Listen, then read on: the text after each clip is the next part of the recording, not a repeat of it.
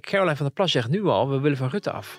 Dat heb ik PvdA GroenLinks niet horen zeggen. Dit is de politieke podcast van de Telegraaf. Hugo de Jonge is natuurlijk de redding voor de journalistiek. Uh, uiteindelijk. Op allerlei verschillende vlakken. Afhameren met Wouter de Winter en Pim CD.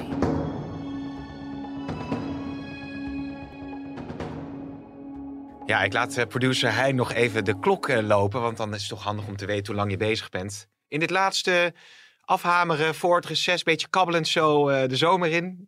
nou ja, zeg. Nee, niet dus. Hè? Iedereen was zo zo gereinigd in Den Haag deze week. Ja, wie hadden allemaal Iedereen, al vakantieplannen geboekt? nou, allemaal. Ja? Ja, en, en, en uh, nou, ik, ik, kan, ik kan, ik geloof me niet dat ik mag vertellen wie en zo. Oh. Dus veiligheid en ja, zo. Maar um, uh, ja, waren echt wel mensen van naam en faam die, die oh, met gierende vliegtuigbanden vandaag al vertrekken.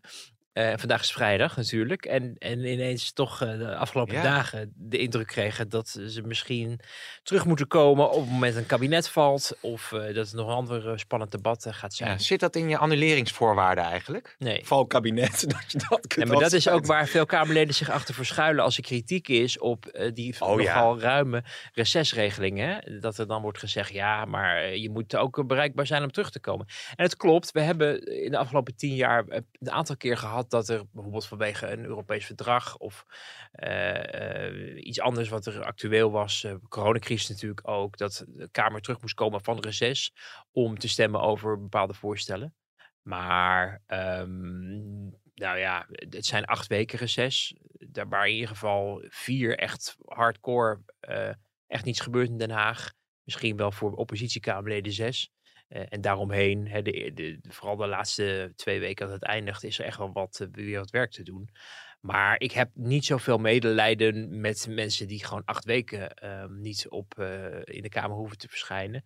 Hoewel het voor iedereen, als hij toe is aan vakantie en je moet dan op het laatste moment annuleren of weer terug. En ik bedoel, je hebt ook een gezin. Mm. Uh, vaak, niet altijd. En nee. nou ja, dat, dat gaat ook wel een beetje, dat irriteert mensen natuurlijk ook ja, wel. Ja, ja. Um, nou, uh, zat jij gisteren ook bij, uh, bij Op 1 en daar was een compilatie van de VVD en hoe dat de afgelopen maanden daar allemaal is gelopen. Met dat pittige gesprek van Sofie Hermans, met uh, dat congres waarbij Rutte zei het is een persoonlijk commitment, mm. boze VVD-leden. Mm. Als je dat zo zag, dacht je van ja, dan is het nogal wie dus dat, dat het nu crisis is. Um, maar zijn de andere coalitiepartijen nou wel of niet overvallen? Hoe, hoe, is dat een beetje gegaan? Ja, nou ja, het ligt er een beetje aan aan wie je dat vraagt. Er was ook een muziekje onder gezet, hè? Onder dat instartje van uh, ja. dat filmpje van, uh, van die VVD'ers. En dat... Van de spanning. Oh, de spanning, ja, ja, ja. Nou, ik moet je, laat ik het gewoon vanuit mezelf. Want ik bedoel, uh, en, en onze luisteraars natuurlijk, die de beste zijn van, van Nederland.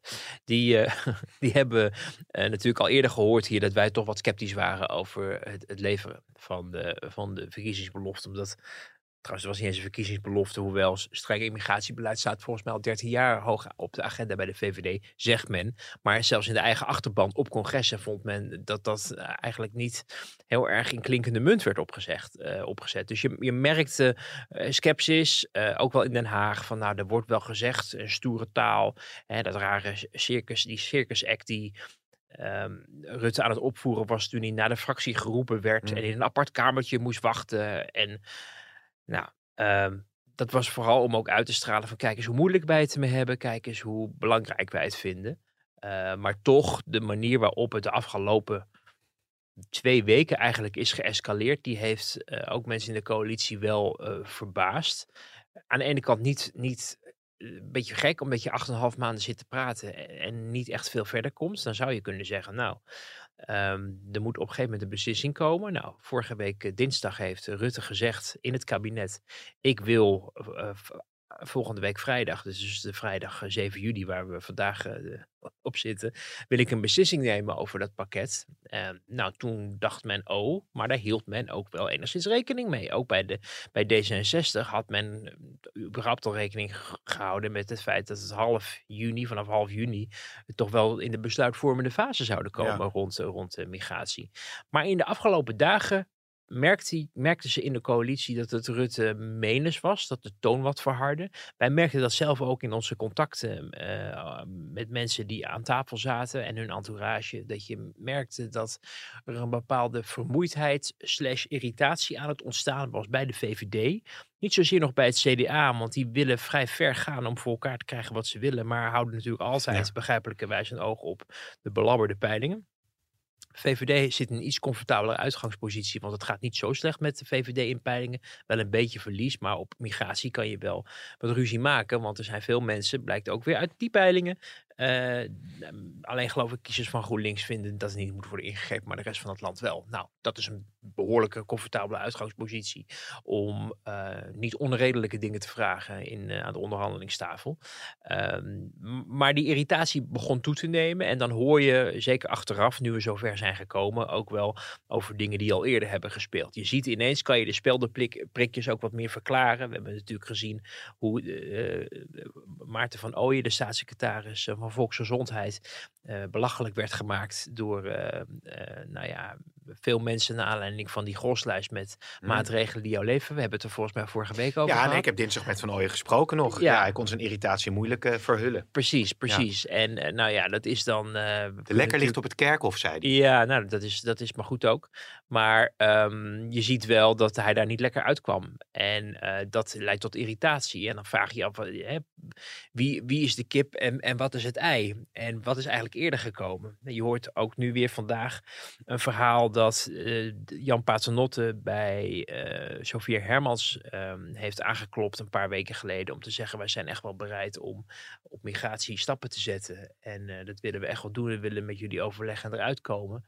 Intussen speelde de hele discussie over het leveren van de klimaatafspraken en hm. het behalen van de doelen die D66 heel belangrijk vond waar de VVD ook uh, het volle pond heeft gegeven qua steun uiteindelijk. Natuurlijk wel onderhandeld over is. En op het moment dat die buiten eenmaal binnen was voor Rob en, en, en consorten, de behoefte en het contact en de uitgestoken hand die men eerst leek waar te kunnen nemen bij D66 van Paternotte, die meer terug heeft ervaren.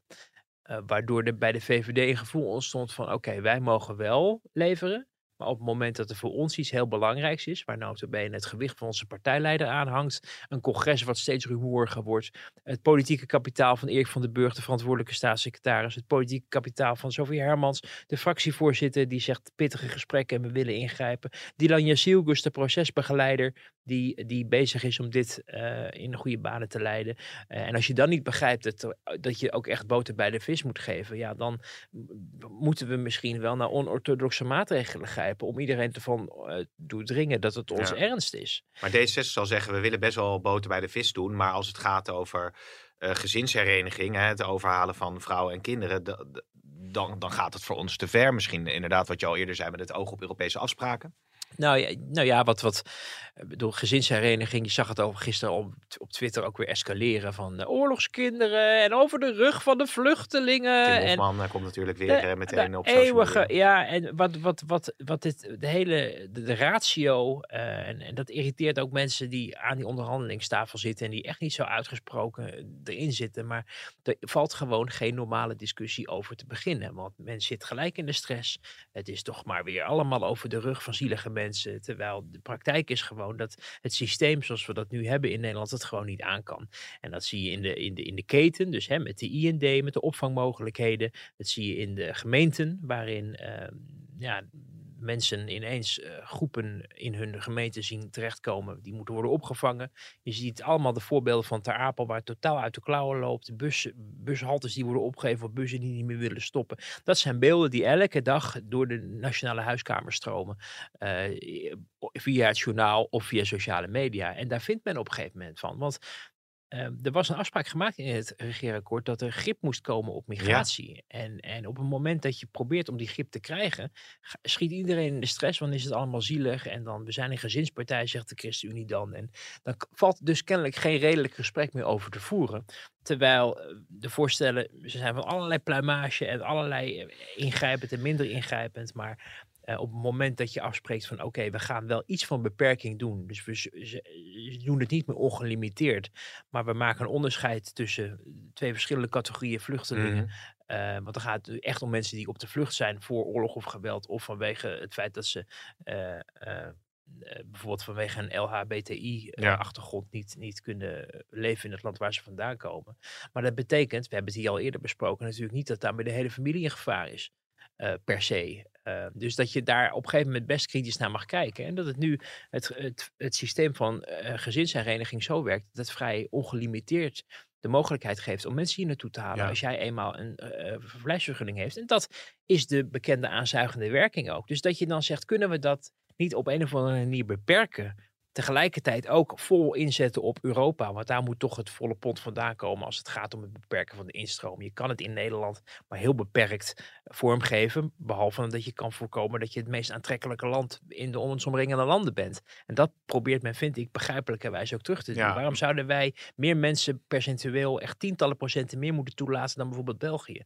Dat is eigenlijk niet rationeel. Maar Rutte heeft dan uh, het getal van 200 genoemd, later 250. Dat is dan geloof ik per jaar wat er binnen kan komen. Per maand. Of per, maand, excuus. Ja, En er zijn er nu 1100 of iets.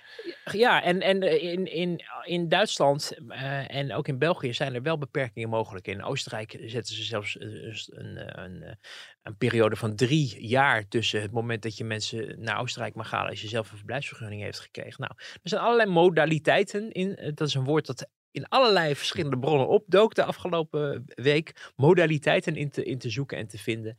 Uh, maar de, de, ik denk niet dat je de, de discussie en het probleem recht doet als je bij voorbaat zegt: wij zijn een gezinspartij en daarom is het voor ons onbespreekbaar. Want uh, ja, op het moment dat, uh, dat de klassen overstromen, omdat er te veel kinderen zijn, omdat de ziekenhuizen het niet aankunnen of de zorg. De, weet je, de hele infrastructuur van Nederland moet het wel kunnen behappen dat er grote groepen mensen hier naartoe komen. Ja, je komt uiteindelijk dus op die cijfers terecht. Van der Plas zat deze week ook bij uh, Nieuwsuur. Toen ging het ook over die cijfers. Hè. Daar, werd ze toen een beetje ge geagiteerd over. Want zij noemden het getal van 15.000. Nou, het worden er uh, dit jaar wellicht al 77.000. Maar als je die getallen uitspreekt, misschien ook wel in zo'n beraad binnen het mhm. kabinet, ja, dan gaat, gaan we iedereen de haren ja. overeind staan. Want ja, als je dat, als je dat getal dan haalt en die eerste daarna, wat dan met die? Dan komt het, dan komt het heel dichtbij. Er is overigens in de formatie ook uh, al uitvoerig over gesproken, hè, over streefgetallen. Uh, er werd ook wel een beetje naar gewerkt, maar dat werd dan weer overgelaten aan commissies die het dan verder in kaart konden brengen. En die doen het allemaal weer in deelrapporten.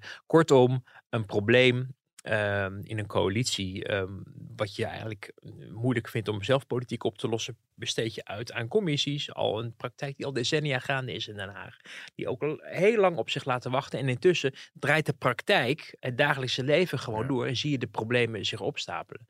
Uh, dus hier is al in de formatie uh, van duidelijk geworden dat de standpunten uiteen lagen. Daar is wel afgesproken, er moet grip kopen, uh, komen. We gaan hier aan werken, we gaan daar aan werken. Maar we moeten ook dat dat niet voldoende is. En het interessante vond ik ook, als we het hebben over de, hè, de overtreffende trap van reacties uh, er werd dus een, een doemscenario verwacht van 70 of 77.000 mm mensen die hier dan uh, naartoe zouden komen. En dat blijken er minder te zijn. Uh, vooralsnog dan wat verwacht was. Maar goed, de zomerperiode, ging geloof ik vorig jaar ook pas mis in augustus. Dus dat wordt ook achter de schermen de coalitie op geweest van we zijn er nog niet. Het is misschien iets minder dan het doemscenario, maar de, de, de, de, de marges uh, varieerden ook. Ik heb ook wel eens iets van 50.000 zien staan ergens. En dat werd dan later bijgeplust. Maar het is niet zo dat 50.000 dan wel te behappen is automatisch. Mm. Maar het argument van, oh, het valt mee dan wat we eerst hadden verwacht. Alleen maar, het valt mee. Hè? Dus het hadden er ook 69, 999 kunnen zijn. Dan kan je dus kennelijk ook wel zeggen dat het meevalt. Maar ook een getal van 50. We zitten nu op 900 per maand ongeveer. Nou, 26. Uh, ik denk, we zitten 22, 23.000 mensen dan op de helft van het jaar. Dus nou, dan zit je, ga je richting de 50. Ook nog steeds een heleboel. En intussen, vergis je niet, de mensen die er al zijn, de doorstroming hapert natuurlijk nog mm. steeds. Want mensen die hier geen recht hebben om hier te zijn, die worden niet teruggestuurd. Want dat zijn allemaal moeilijk en ingewikkeld. En in Spanje weer een rechtszaak aan. En dan kan je de boel weer vertragen. Er zijn geen huizen voor mensen. Er zijn al geen, niet eens huizen voor de eigen bevolking. Voor starters, voor andere mensen die huizen zoeken. Uh, dus het is ook niet zo dat het probleem is opgelost als er ineens 10.000 minder meer mensen komen. Ja. Het probleem is er nog steeds. En dus dat argument vond ik ook niet zo sterk. Als we het even over de, de hoofdrolspelers hebben. Hè? Uh, Segers is natuurlijk een tijd terug terug ja, gestopt met zijn Haagse werk. Ja. Um, Meer Bikker die neemt het dan over. Is die zich scherper aan het profileren? Dat moet ook wel. Hè? Als je een nieuwe leider bent, dan, dan krijg je de unieke kans om duidelijk te maken dat je niet voor de push bent. En als je Zegers, die toch jarenlang heeft gedaan, daarvoor natuurlijk Arie Slop en daarvoor André Rauwvoet, mm. ChristenUnie natuurlijk ook veel aangelegen is om haar goed in de markt te zetten als iemand die, nou ja, zo haar eigen strepen trekt en zeker niet zich alles laat welgevallen. Dus er is ook wel een behoefte om aan enige profilering te doen. Um, tegelijkertijd, uh, ik heb ook wel het idee dat in de ChristenUnie er al langer, ook in de achterban, wel verzet is tegen ja, scherpe migratiemaatregelen. Dat hebben we ook al onder zekers gezien. Hè. We hebben natuurlijk uh, gezien hoe in een congres, uh, congres, ook werd gezegd van dit is allemaal net te dragen, het kennet. Hè. En toen kon het uiteindelijk toch niet, want de, rechter, de rechters, ja, de rechter vloot terug. Dus er is toen eigenlijk al een beetje een nou, ik wil niet zeggen, oh, ja, ik zeg het maar wel gewoon, maar het is afhameren. Een loopje genomen met het congres. Het congres waarschuwt, de achterman waarschuwt, doe het niet. Ze doen het toch en vervolgens wordt de rechter, zegt de rechter, je had het nooit mogen doen. Nou ja, dan denken ze, ja, fool me once, hè? Oh, niet te veel Engels. Maar ik, nee, daar zijn wij op aangesproken. Ja, zijn, maar ik, ik, je merkt, en dat snap je dan ook wel, van eh, doe wel voorzichtig voordat je weer aan iets committeert waarvan je niet weet of het überhaupt wel mag en of het bij ons past. Um, tegelijkertijd, ja, uh, je zit in een coalitie. Uh, ik zag Ton Elias ook uh, berichten vandaag dat het toch ook wel heel erg wonderlijk is dat de partij met vijf zetels eigenlijk bepaalt wat er wel en niet mag gebeuren in een, in een land. Maar ja, dat is iets wat wij natuurlijk al uh, in de kabinet Rutte vaker hebben gezien. En je weet wat je doet als je de ChristenUnie erbij haalt, toch? Die hebben op bepaalde punten zijn natuurlijk zeer uitgesproken. Ja, ja, vanwege hun uh, religieuze overtuiging. Ja, maar dat zou je ook kunnen zeggen, want een coalitie is een samenwerkingsverband. ChristenUnie zat ook heel erg op, op, uh, op duurzaamheid en op de klimaatagenda. Nou, daar, daar heeft de VVD wel geleverd. Ja. Het spijt me wel. Um, en je kan je dan voor zich, ja, ik snap ook wel dat het ingewikkeld is. Uh, maar je moet ook begrijpen dat zo'n partij als de VVD met zulke beloftes en uiteindelijk wel iets moet leveren. Nu wil ik het niet voor de VVD opnemen van kijk, hen is de redelijke zijn. De duiding die je ook achter de schermen van de andere partijen hoorde is de VVD heeft zelf unisono gezegd we gaan uh, scherper aan de, aan de wind varen hierop. Je kan daarbij niet automatisch verwachten dat de hele coalitie daarin meegaat. Maar goed, voor, ieder, voor alles is wel wat begrip uh, te vinden. Maar tegelijkertijd is het natuurlijk wel zo dat de VVD ook de procesbegeleider is. Hè. Dylan heeft dit overgenomen. Ook bijzonder natuurlijk niet de verantwoordelijk staatssecretaris. Omdat kennelijk toch een minister en zeker Jasilkus toch wel toverkracht wordt, wordt toegedicht. En die dat dan uh, in goede banen kan leiden. Nou, ik denk op zich dat ze daar ook zeker toe in staat is. maar de kritiek was ook wel van Rutte heeft zich al die maanden er niet of nauwelijks mee bemoeid. En dan nu ineens op de trom slaan en zeggen over twee weken gaan we er in de ministerraad over stemmen. Dat ging mensen wel heel erg snel. Op het moment dat Rutte er echt zo'n persoonlijk commitment van maakt, had hij misschien ook, ook veel nadrukkelijker ook mee moeten sturen de afgelopen maanden. En niet die, dat groepje, dat praatgroepje van Hugo de Jonge, Dylan Jezielkus, Carola Schouten uh, en uh, wie was er nou nog meer? Uh, Kajsa Olongeren of Rob Jetten. Ja. rondjes laten draaien over migratie. Maar wilde hij niet gewoon het Europese gedeelte pakken? Want hij is natuurlijk wel naar Tunesië geweest, heeft met Meloni contact gehad. Ja. dat dat een beetje de afspraak was van ik richt me op het Europese deel. Ah, zonder meer, maar tegelijkertijd, ik bedoel, dat, is ook, dat hoort ook een beetje bij zijn baan. Hè? Je moet wel goed ook die andere dossiers in de gaten houden. Er is ook uh, kritiek op geweest bij de verschillende uh, onderzoeken en enquêtecommissie natuurlijk. Dat dat uh, ook met Groningen, dat Rutte wel zegt dat hij er aandacht aan besteedt, hmm. maar in feite het eigenlijk niet doet. En niet goed bijstuurt en meekijkt en zijn gewicht laat gelden, wat hij wel heeft. Zeker als je 13 jaar premier bent. dus het is zeker zo dat hij ook een ander deel voor zijn rekening nam, maar Um, de kritiek was wel, en dat hoorde je niet alleen vanuit D66, uh, maar ook vanuit het CDA, van je hebt er uh, acht en een halve maand eigenlijk niet naar omgekeken. Ja, ja. Uh, aan, aan die, die binnenlandse afspraken. En nu is het ineens hom of kuit geven. Ja, en, als, als, en als Rutte zegt hom of kuit, hoe, hoe, gaat dat dan? Want hij, eigenlijk, als je zo een beetje de verhalen hoort, dan, is het er, dan heeft het echt gestoomd ja. daar. ja, nou ja, wat ik, wat ik. Kijk, wat ik wel echt in de afgelopen jaren heb gemerkt, is dat de VVD uh, een partij is die uh, dit soort dingen niet uit de losse pols doet. Hier wordt over nagedacht. Er is een half jaar geleden al ehm, een schets gemaakt van wat willen we rond migratie, wanneer willen we het af hebben ongeveer, hoe gaan we dat aanvliegen. Er waren natuurlijk procesbegeleider, Villa Dilan Jasilgus. Uh, dus er is eigenlijk een half jaar geleden al nagedacht uh, van dit is voor ons een halszaak. Uh, ik heb ook twee keer in mijn column ook opgeschreven dat uiteindelijk de VVD bereid was om het kabinet te laten vallen ja. als dit niet tot een gewenste resultaat leidde. Een, een, topper van de VVD vertrouwde mij toe. Ik hoop dat we eruit komen met D66, maar als het niet zo is, dan jammer. Je hoorde zelfs dat er al een afspraak of een gesprek is geweest tussen Rutte en Kaag. Waarin Rutte dit ook heeft aangegeven en heeft gezegd: maar mocht het niet lukken, laten we dan in goede harmonie en met goed fatsoen. Niet met modder, uh, moddergevecht, zoals we dat bij Balken de Vier hebben gezien bijvoorbeeld. Of bij Rutte ja, 1, toen iedereen die uit de coalitie of in samenwerkingsverband stapte, elkaar voor rotte vis ging uitmaken. Laten we het op een fatsoenlijke manier doen. Nou, ik heb mijn oor te luisteren gelegd bij uh, ja, de mensen van D66 die dat kunnen weten of daar kennis van hebben. En daar werd wat omheen gepraat, wat omheen gekletst. Er is natuurlijk wel gesproken over hoe gaan we dit aanvliegen, maar het scenario, we gaan als vrienden uit elkaar, dat, dat zou niet ter sprake zijn gekomen, want dat zou een, one, een what-if scenario zijn geweest. Oh ja. Nou, ik vond het niet heel erg overtuigend klinken, um, maar dat er dus al vrij vroeg, in een vrij vroeg stadium is aangegeven van, uh, dit is wel de kant, op, uh, kant die wij uh, op willen. Um, nou ja, dan denkt men dus ook na, um, ook een paar weken van tevoren, ik begrijp drie weken van tevoren wel gezegd van, oké, we komen nu in de fase waarin we gas moeten geven op dat ja. migratiedossier we gaan richting de zomer. En dat uiteindelijk toe heeft geleid dat Rutte dus woensdagavond zegt: Ik wil dit en dit en ik ga het in stemming brengen. Ja. En dan mensen zich enorm de mes op de keel gezet voelen. Maar dat is iets wat Rutte uit zichzelf uh, doet op eigen houtje. Want als je navraag deed bij de VVD, dan werd gezegd: ja, maar dit hebben we toch aangekondigd. Dus die andere partijen die hebben zich ook een beetje van de domme gehouden, misschien. Of er waren zoveel andere thema's waar ze mee worstelden. Uh, mee bezig waren dat ze dachten, nou, dat asiel... Ik denk dat ze onderschat hebben hoe de VVD uiteindelijk toch een partij is, een machtsmachine is. En dat over dit soort zaken, zoals ik zei, dus niet even luchthartig nagedacht wordt van Rutte gaat...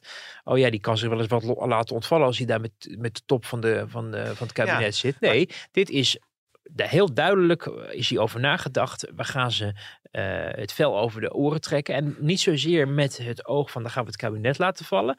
Maar als onderdeel van een onderhandelingsstrategie die er uiteindelijk toe kan leiden dat er een resultaat komt. Dus het is, het is zeker niet zo dat men uit was op een val. Uh, maar men dacht dat dit onderdeel kon zijn van het forceren van een afspraak voor de zomer. Maar het staat natuurlijk wel een schil contrast met uh, de stikstofcrisis ook. Waarbij uiteindelijk ook een, een akkoord werd gesloten van we gaan versnellen, maar ook vertragen. Weet je nog, met, mm. met, het landbouwakkoord waar natuurlijk eerst op gewacht moest worden. Ja, toen had je het idee van ja, uh, die provinciale staatsverkiezingen waren achter de rug. Ja, we, we willen hoe dan ook wel met elkaar verder. En we, we, we, gooien het maar even over de schutting. En we houden elkaar allemaal de hand vast en hopen dat het goed komt. Nou, belangrijk uh, om daarbij wel te vermelden, en dat hoor je uit meerdere hoeken. Uh, in Den Haag dat de VVD wel de inschatting heeft gemaakt. En eigenlijk was het CDA het daar ook wel mee eens. Dat als je nu niet besluit, dat er dan dit kabinet helemaal niets meer van terecht komt. Waarom? Omdat een pakket wat je maakt eh, in wetgeving zal moeten worden vastgelegd. Dus je zal wetten moeten worden veranderen, aanpassen, nieuwe wetten maken in het meest ideale scenario misschien ook verdragsrechtelijk nog wat aanpassen. Maar dat is een stuk uh, ingewikkelder, ook trouwens in de coalitie, om, dat, uh, om verdragen te gaan opzeggen en zo. Tenzij ze over uh, klimaat gaan en je Robjetten goed uitkomen, want dan kan het overigens wel. maar waar doe je, wat doe je? Nou, er was op een gegeven moment hebben we een van de verdrag opgezet, omdat het Robjetten benadeelde in de manier waarop hij zijn beleid wilde voeren. En dat ging vrij soepeltjes en daar heeft niemand ooit wat van gevonden, omdat iedereen dacht, ja, weg ermee. Um, en meerdere landen hadden, hadden kennelijk uh, daar ook al iets mee uh, gedaan. Maar het geeft wel aan dat het, het, het, idee van er is een verdrag en dan kan je tot aan je dood niets meer aan veranderen of iets van vinden uh, of eruit stappen. Dat is dus ook niet waar. Hè? Want bedoel, die mogelijkheid heb je natuurlijk wel. Ook al heeft dat vaak ook ingewikkelde consequenties of nare consequenties. Ja. Maar op het moment dat je op, op nu niet eh, dat in gang gaat zetten, dus die wetgeving eh, in gang gaat zetten om het beleid te veranderen, dan kom je daar niet meer aan. Dan red je het niet meer in deze kabinetsperiode. Je trekt een half jaar van de zittingstermijn van het, uh, van het kabinet af. Uh, vergis je niet dat het kabinet eigenlijk bijna een jaar aantrad na de Tweede Kamerverkiezingen. Dus die Tweede Kamerverkiezingen zijn al binnen twee jaar. Ja. Nou, gooi je er een half jaar af. Stel je hebt nog anderhalf, twee jaar nodig om wetgeving door het parlement te loodsen, dan gaat dat interfereren met de verkiezingscampagne. En is het heel wel mogelijk dat men dan uiteindelijk toch zegt: we, we, we trekken onze eh, handen ervan af in de coalitie. Vergis je niet in het feit dat er in, uh, de, de vorige, in het vorige kabinet natuurlijk op een gegeven moment is besloten om de discretionaire bevoegdheid weg te halen bij de staatssecretaris. Hè, om ook de talkshow-pardons um, te voorkomen, waarin advocaten met hun versie van de werkelijkheid een beroep konden doen op Nederland van het is toch heel erg zielig dat deze persoon uh, uh, het land moet verlaten. Zonder dat mensen in het land kennis konden nemen van het volledige dossier en de reden waarom die mensen of die meneer of die mevrouw uiteindelijk hier niet mocht blijven. Nou, dat had men afgesproken, omdat er ook een kinderpardon kwam, wat het CDA dan ook wel een beetje mogelijk maakt, omdat die niet langer meer in de achterban rondkrijgen. Um, wisselgeld voor de VVD was om daar dan die discretionaire bevoegdheid voortaan door de IND-chef te laten doen, waardoor de druk ook op de bewindspersoon verminderd werd en dat het ook minder persoonlijk werd gemaakt. En in het verkiezingsprogramma van de ChristenUnie stond alweer dat dat gewoon weer moest worden teruggedraaid. Mm. Dus die, die afspraken die je met elkaar maakt, die zijn uh, allemaal erg uh, kort houdbaar. En die zijn maar houdbaar totdat het kabinet er niet meer zit. En dat betekent, en wat ik nu de afgelopen, nou wat zal het zijn, twaalf uur ook wel doorkreeg, is dat men inderdaad alweer afspraken aan het maken is, omdat VVD en CDA dan zelf aan in een initiatiefwet mogen werken. En dat dan, dat hoeft D66 en ChristenUnie zich dan niet mee bezig te houden, zodat dat gelijk kan worden ingevoerd als bij de, de, volgende Tweede Kamerverkiezingen. Waardoor ik dacht, nou, dan ben je eigenlijk al heel erg op. Dat is een vluchtroute. Ja, nou, de, ja, een vluchtroute. Maar dan ben je ook al heel erg aan het opschuiven richting dat pad van we doen wel alsof we ingrijpen. Want kijk, ons is er druk aan bezig zijn. Maar op het moment dat het tot besluitvorming komt, uh, de wereld er zo uit kan zien dat D66 en ChristenUnie zeggen van ja, maar wij vinden het alsnog geen goed idee of we gaan het niet voorstemmen of wat dan ook. Dus, dus je ziet al dat we in een fase zitten dat de, als het gaat om uh, slagvaardig en krachtig en snel ingrijpen, we alweer heel erg aan het achterlopen zijn om maar die coalitie bij elkaar te houden. Dus dat baarde mij wel zorgen, omdat ik wel denk dat het een probleem is dat je erop moet ingrijpen. Maar als je nu al signalen in de compromisfase, waar ze dus nog over aan het bakkeleien zijn, dat je nu al ziet dat D66 en ChristenUnie dat eigenlijk niet steunen.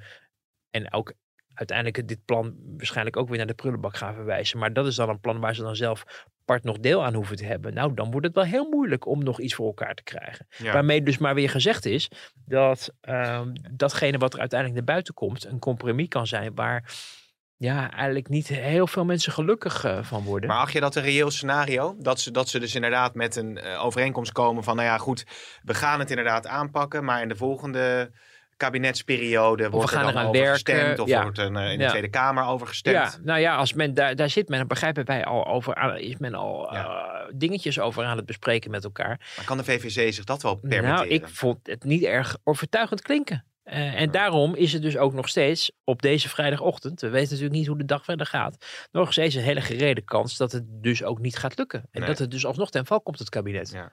Hoe is het met CDA eigenlijk? Want uh, we hadden het er net al over dat Hugo de Jonge als enige wel de tijd neemt om rustig met, met uh, journalisten te praten als je naar buiten komt. Die, ja. die is altijd heel benaderbaar. Ja, Hugo de Jonge is natuurlijk de redding voor de journalistiek uh, uiteindelijk. Op allerlei verschillende vlakken. Maar zeker als het gaat om overleggen waar iedereen zijn mond houden. Want Hugo de Jonge is Hugo de Jonge. En dat is toch heel erg prettig. Want die komt naar buiten. En ja, dat is toch wel heel lastig, zei hij. Ja, woensdag was dat geloof ik. Ja, en, en, maar die zegt dan toch ook altijd weer net iets te veel. Dat je toch iets meer... Uh, het viel mij woensdag op dat hij zei van... Het is nog mogelijk om een uitweg te vinden. Wat voor mij... Uh, ja, mij deed, deed concluderen van dat gaat nu heel hard. Ja. Want als de rest zegt het zijn taaie gesprekken en we gaan er verder niks over zeggen. En hij zegt het is nog mogelijk dat er nog een oplossing komt. Dat geeft aan dat het eigenlijk al op de rand van de afgrond staat. Dus toen wisten we ook gelijk, toen hij dat had gezegd, van hé, hey, dit is...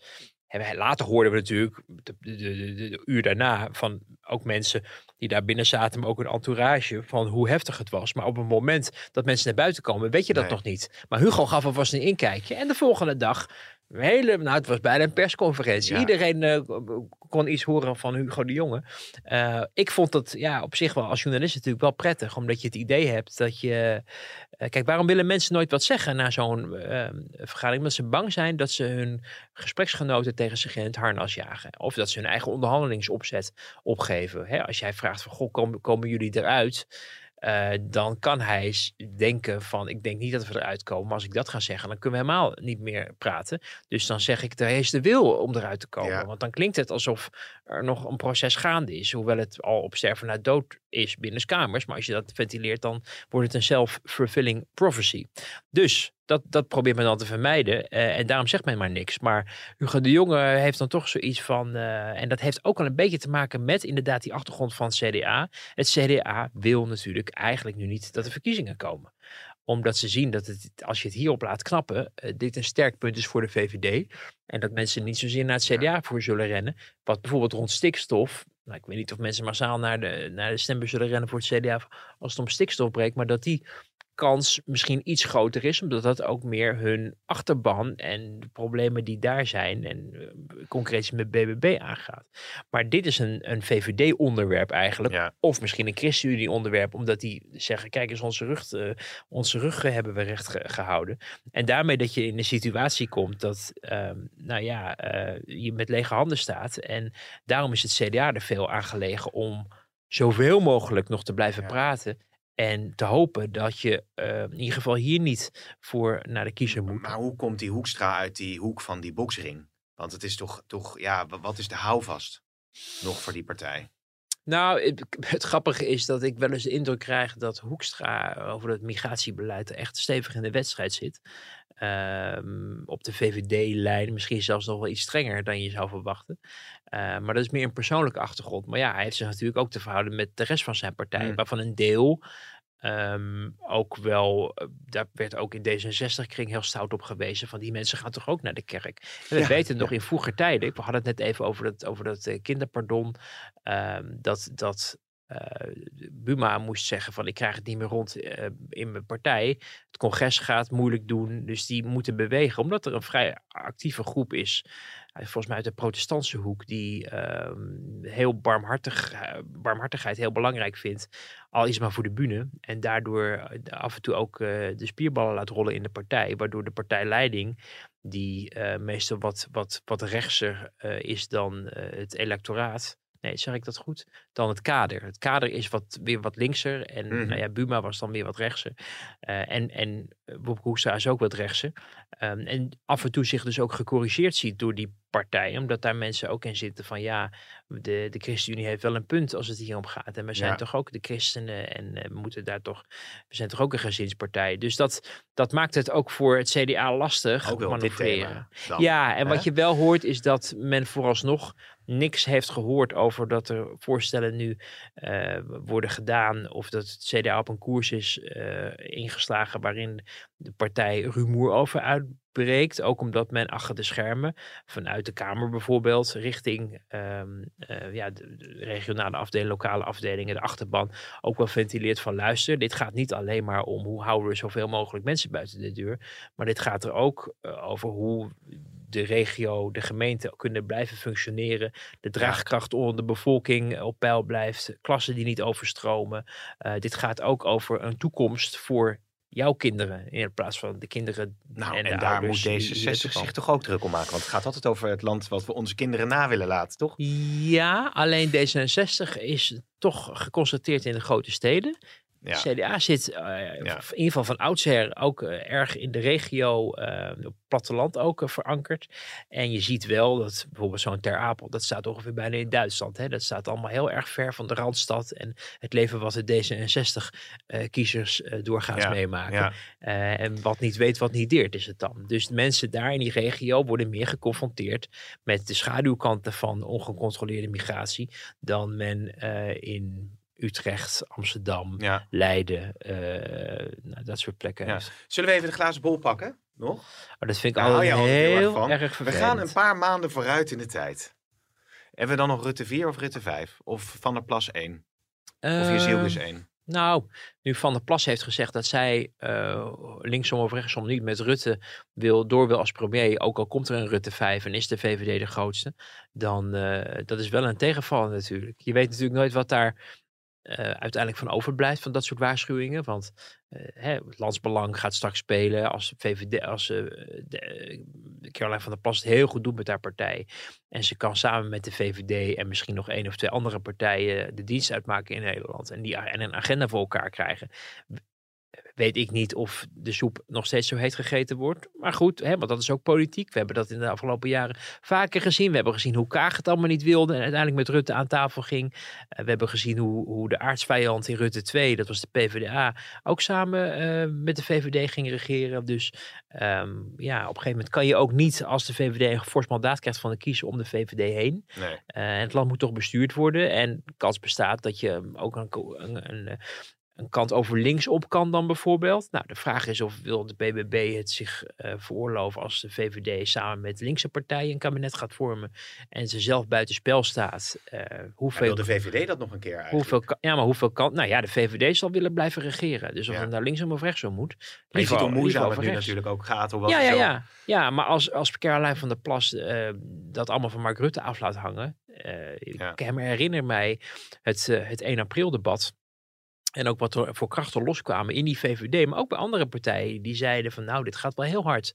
Nu even de minister-president aan de kant zetten. Ook al vond men het niet netjes en fatsoenlijk, maar ik sprak zelfs mensen bij de PvdA die zoiets hadden van nou, dit verdient hij niet. ChristenUnie is daar ook op gecorrigeerd. Hè? Segers heeft natuurlijk hem de wacht aangezet. Ja, Moest later na commotie ook wel toegeven dat, dit, dat dat niet de juiste koer was. En heeft zijn keutel weer ingeslikt. Dus je ziet dat je dat soort dingen kan je nooit helemaal uh, voorspellen. Het zagrijn over Rutte is natuurlijk wel groot, maar leg mensen de keuze voor van wil je uh, Mark Rutte als premier of wil je Frans Timmermans als premier? Ja, want die was deze week natuurlijk met zijn klimaatagenda ook weer druk bezig en ja. die was er als de kippen bij om te reageren op het dodelijke slachtoffer wat in Haarlem was gevallen. Ja, ja. door dat te koppelen aan de klimaatverandering. Ja, nou ja, en dat, dat, dat buitengewoon pijnlijk en, en tekent de man ook. We hebben natuurlijk eerder gezien hoe die met dat mondkapje. Uh, heeft u dat mondkapje, meneer Paul? Weet je? Oh, dat was dat mijn Limburgse. Ik heb laatst met een vriend heel erg geoefend op, uh, op, uh, op het, het op Camille Eurlings tegen Maxime Verhagen bij het CDA-congres. Ik ga knokken voor je, Camille, weet je. Dus ik ben maar mijn Limburgs ben ik, ben ik aan het werken. Maar deze kwam niet, nog niet helemaal, hij is nog niet helemaal nee, maar, maar, maar, die heeft natuurlijk wel zijn, zijn klimaatagenda ook, waar die vol mee bezig is. Zou hij dan nu op korte termijn van zijn troon niet dalen om uh, ja, nou, dat zou dat, te komen? Nou ja, dat is, wordt natuurlijk heel interessant. Van wat gaat Timmermans doen op het moment dat zijn termijn er nog niet op zit, maar hier wel verkiezingen zijn. En dan forceer je ook wat bij de, bij de PvdA GroenLinks. Dan moet PvdA GroenLinks daar ook wel mee instemmen. Moet GroenLinks, uh, die, die oude witte man, en je weet hoe, hoe kwetsbaar die mensen zijn geworden in Nederland. Dan aan het, aan het hoofd van de nieuwe progressieve linkse uh, vrolijke ik zag, beweging Ik zag Marlijn Moorman ook een tweet sturen toevallig met kritiek over hoe het nu allemaal gaat. Dat vond ik ook wel opvallend. Ja, nou ja, dat is iemand waarvan ik denk dat hij uh, eigenhandig ook nog wel wat voor elkaar kan krijgen voor die club. En die zich wel iets te makkelijk toen in dat kamp toen uh, met Timmermans over die fusie heeft laten, uh, laten trekken op voorspraak van Diederik Samson. Ingezonden brief toen de Volkskrant stond, alle, alle partijleiders stonden allemaal bij en zo. En dat je dacht van, pas wel op, hij gebruikt jou om zelf op de troon te komen. Terwijl Moorman natuurlijk ook in Amsterdam heeft laten zien dat zij het op haar eigen kracht ook prima kan. Ja, en de hulp van Timmermans niet nodig heeft. GroenLinks uh, meer stemmen zou trekken, even afhankelijk van. Het is allemaal speculatief, maar er is natuurlijk helemaal niet gezegd dat er iemand vanuit P van de A-hoek die kar. Uh, nee, maar het is wel aannemelijk dat op het moment dat men dat er nieuwe verkiezingen komen, dat er een proces van fusie of samenwerking of één lijst, dat dat wel een stroomversnelling komt. En dan moet je uiteindelijk wel kiezen wie de hmm. lijsttrekker wordt. Dat kan je, als je één lijst hebt, kan je niet twee lijsttrekkers hebben. Of ja, je kan het wel proberen, maar ik, ik voorspel je dat dat, uh, dat, dat mm, de kiezer ook verward. Dus je zal ja. wel moeten kiezen voor één lijsttrekker. En Timmermans wordt toverkracht toegedicht omdat hij natuurlijk de Europese verkiezingen destijds heeft uh, gewonnen. Uh, maar goed, toen was hij de enige enige bekende naam stembiljet. Dus dat maakte het voor sommige mensen ook overzichtelijk, die keuze. En had natuurlijk een goede uh, reputatie opgebouwd. Ook al dat gekke mondkapje incident. Maar als minister van Buitenlandse Zaken na MH17 in, in de VN, weet je, daar waren mensen ook wel trots op hoe hij dat heeft gedaan. Dus die had daar de wind mee. Maar inmiddels heeft hij zich natuurlijk als klimaatzaar laten kennen en zie je hem dingen voorstellen die vaak ook helemaal niet in het Nederlands belang zijn. Of in de, überhaupt de manier waarop wij in Nederland kunnen blijven functioneren zonder dat we het hele land op slot hoeven te gooien. Dus de kritiek op die klimaatagenda natuurlijk van hem. Dus dat wordt nog interessant. maar goed, is nog lang niet. Nee, en ze hopen, maar ze hopen dus op de bij de VVD heel erg op een soort ouderwetse links-rechtsstrijd. Ik weet niet hoe, hoe reëel dat scenario is als je ziet hoe het met de statenverkiezing in ieder geval mislukt is. Ze hebben ze toen, hè, die linkse wolk moest aangepakt worden. Niet met Van der Plas in debat. Precies. Bij ons in de krant natuurlijk, Rutte en, en Schippers, dat, dat, uh, oh ja. dat, dat uh, interview van het links, links het gevaar voor Nederland. En uiteindelijk ging, ging de derde, het, uh, Twee honden vochten mijn benen. Ja, de derde, de derde, de derde hond ging, ging met, met, uh, met het been, met het been er vandoor. En, en dat is natuurlijk ook nog steeds iets wat kan. Dus je kan ook als VVD je niet permitteren om maar te blijven geloven dat zo'n links-rechtsstrijd jou de overwinning gaat uh, helpen. Nee. en daar denk ik is Caroline van der Plas zich erg goed van bewust. En daardoor, kijk, Caroline van der Plas zegt nu al, we willen van Rutte af. Dat heb ik PvdA GroenLinks niet horen zeggen. Die dienen wel moties in, van weg met die man. Maar op een moment dat Adje Kuiken in een debat wordt gevraagd... wil u nog wel samenwerken met Rutte? Een verkiezingsdebat, volgens mij was het dat Pauwdebat met z'n vieren... met mm Jesse Klaver en, en Schippers erbij, Rutte en, en Kuiken. Bleef ze daarbij weg. Uh, van der Plas is duidelijk. En kan daarmee ehm, voor mensen die echt van Rutte af willen... een hele interessante keuze worden. Als zij, uh, nu ze heeft laten zien dat ze een groot kiezerspotentieel heeft ook echt haar zin kan doordrijven. Wat iets anders is dan partijen die op de rechterzijde of de linkerzijde veel kleiner blijken. En ook vaak de afgelopen jaren überhaupt niet wilden of konden of mochten regeren. En waarmee een stem op die partijen dus niet zo effectief bleek om Rutte uit het torentje te houden. Maar Caroline van der Plas heeft die potentie in principe wel. En ik, ik denk dat ze er om electorale redenen goed aan doet om uh, in ieder geval te blijven volhouden dat zij Rutte niet wil. Nee, dan haal je nog iemand anders erbij, Pieter Omtzigt, uh, die ook niet echt lekker met Rutte gaat. En dan kun je wel een groot deel van het electoraat uh, aanspreken. Hoewel Omtzigt daar zich nog helemaal niet over uit heeft gelaten of hij daar überhaupt voor open staat. Ja, en ik kan niet hem... op zo'n korte termijn een eigen partij opbouwen, toch? Denk ik. Nee, maar je kan wel, had ik me laten vertellen, wel je verkiesbaar stellen. Zonder dat je daar 30 mensen onder hebt staan. Die dan bij een politieke partij wel gekozen zouden worden. Maar als jij je aanmeldt als kandidaat en je hebt minder mensen op de lijst dan je via de kiesdeler aan zetels zou kunnen winnen, dan gaan die zetels worden verdeeld over de rest van de partijen. Maar dan blijft hij wel in de Kamer. Dus zijn oh. toekomst is daarbij wel gegarandeerd. Interessant. Uh, maar ja, de, de, als hij niet mensen een partij opricht en met meerdere mensen op die lijst gaat staan, die hij dan ook leiding zou moeten geven als lijsttrekker, dan heeft hij dus het, uh, probleem dat hij inderdaad een mandaat van de kiezer heeft gekregen, maar dat andere partijen uiteindelijk uh, groter zijn. Wordt het dan evenredig verdeeld, zeg maar? Wat ik, wat ik begreep daarvan is, is dat, dat, dat ja, je kan niet, die zetels moeten wel ingenomen worden. Ja. Dus je moet die vervolgens verdelen via de uitslag die al natuurlijk is vastgesteld op basis van wat, wat mensen hebben gestemd die op andere partijen dan Pieter ja. Omtzigt hebben gestemd. Boeiend. Maar goed, zover is het allemaal nog lang niet. We nemen dit op vrijdagochtend op. Er is nu een ministerraad. Rutte was er alweer vroeg bij. Ja. Um, wat... Ik kijk nog even naar mijn telefoon of nog, er, hebben we nog, laatste, nieuws? laatste nieuws is. Um, de ministerraad staat ingepland tot half vier vanmiddag. Maar goed, als mensen dit horen, weten ze al hoe het is afgelopen misschien. Dus dat is uh, ingewikkeld. Uh, maar het wordt, het wordt, uh, het wordt een, in ieder geval onze deadline ingewikkeld. Begrijp ik, want die is op ja. rond zes al half zeven de eerste op, op vrijdag. Oh ja. Oh ja. Dus dat wordt, wordt maar goed. We hebben een goede site en daar houden we ook in het weekend, mochten er nog ontwikkelingen zijn natuurlijk, iedereen op de hoogte. Zeker, zo is het Wouter. dank voor nu. Het zijn ook voor, voor jou en voor de journalist natuurlijk spannende en intensieve weken. Ja, en, en als het kabinet nou valt, nou ja, dan ja, wat, zijn er nog dingen die natuurlijk in Den Haag nog spelen de komende week ook. Uh, mochten ze er nou uitkomen, vandaag of in de komende dagen, dan is het tijd voor de vakantie ook voor Den Haag. En dan uh, nog ministerraad op 14 juli en daarna een maand niet. En dat betekent ook dus dat de podcast ook pas weer terugkeert op het moment dat er weer wat gebeurt daar eh, in het Haagse. Ja. en dat zal meestal, is dat pas, nou ja, als het kabinet in, in de touw blijft is dat dan een goede uitdrukking? ze hangen in de touwen. Ja, of nou, als, als het kabinet A blijft, dan, dan wordt het vanaf half augustus weer interessant. Nou, het is een beetje een open einde, maar uh, we zeggen tegen onze luisteraars, blijf ons vooral in de beetje gaten als, houden. Uh, migratiebeleid, een open einde regeling. Ja, zoals eigenlijk met alles, ook ja. met, uh, met, met stikstof, et cetera. Oké okay, Wouter, wordt vervolgd en dank voor nu.